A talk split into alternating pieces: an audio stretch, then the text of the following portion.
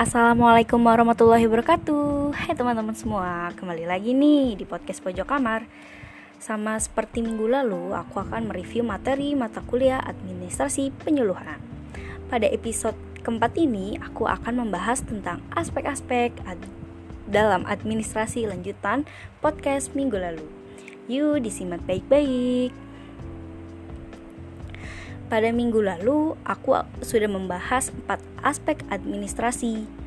Nah, sekarang aku akan membahas tiga aspek-aspek administrasi lagi nih. Yang pertama itu komunikasi dan koordinasi. Menurut Pak Mutar Muhammad Solihin MSI mm, menjelaskan di setiap kegiatan organisasi pasti ada yang namanya komunikasi dan koordinasi untuk mencapai sebuah tujuan yang telah direncanakan. Jika dalam kegiatan memiliki komunikasi yang baik, pasti akan ada koordinasi.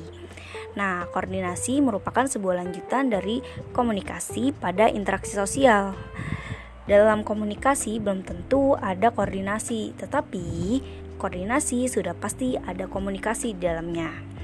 Nah, koordinasi merupakan manajemen pada proses komunikasi untuk mencapai tujuan bersama. Maka, ketika kita sedang melakukan kegiatan organisasi, perlu adanya komunikasi dan koordinasi. Jika di sebuah kegiatan tidak memiliki komunikasi yang baik, maka rencana yang telah ditentukan akan berantakan karena miskomunikasi. Maka dari itu, perlu adanya koordinasi. Nah, yang kedua, aspek-aspek efektivitas dan efisiensi. Efektivitas adalah kegiatan yang sudah dilaksanakan dengan baik, maka disebut efektivitas. Jika kegiatan yang telah direncanakan tidak berjalan dengan baik, maka dapat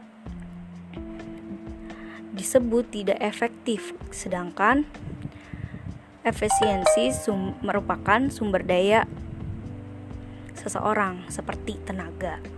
Nah, kemudian uh, ada aspek kinerja dan produktivitas.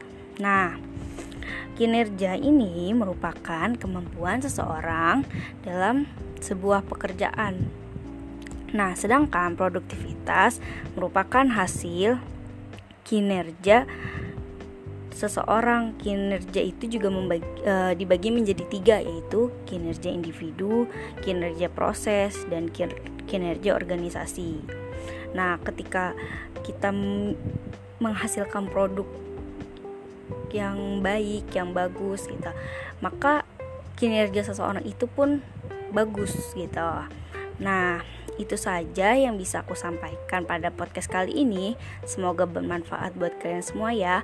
Wassalamualaikum warahmatullahi wabarakatuh.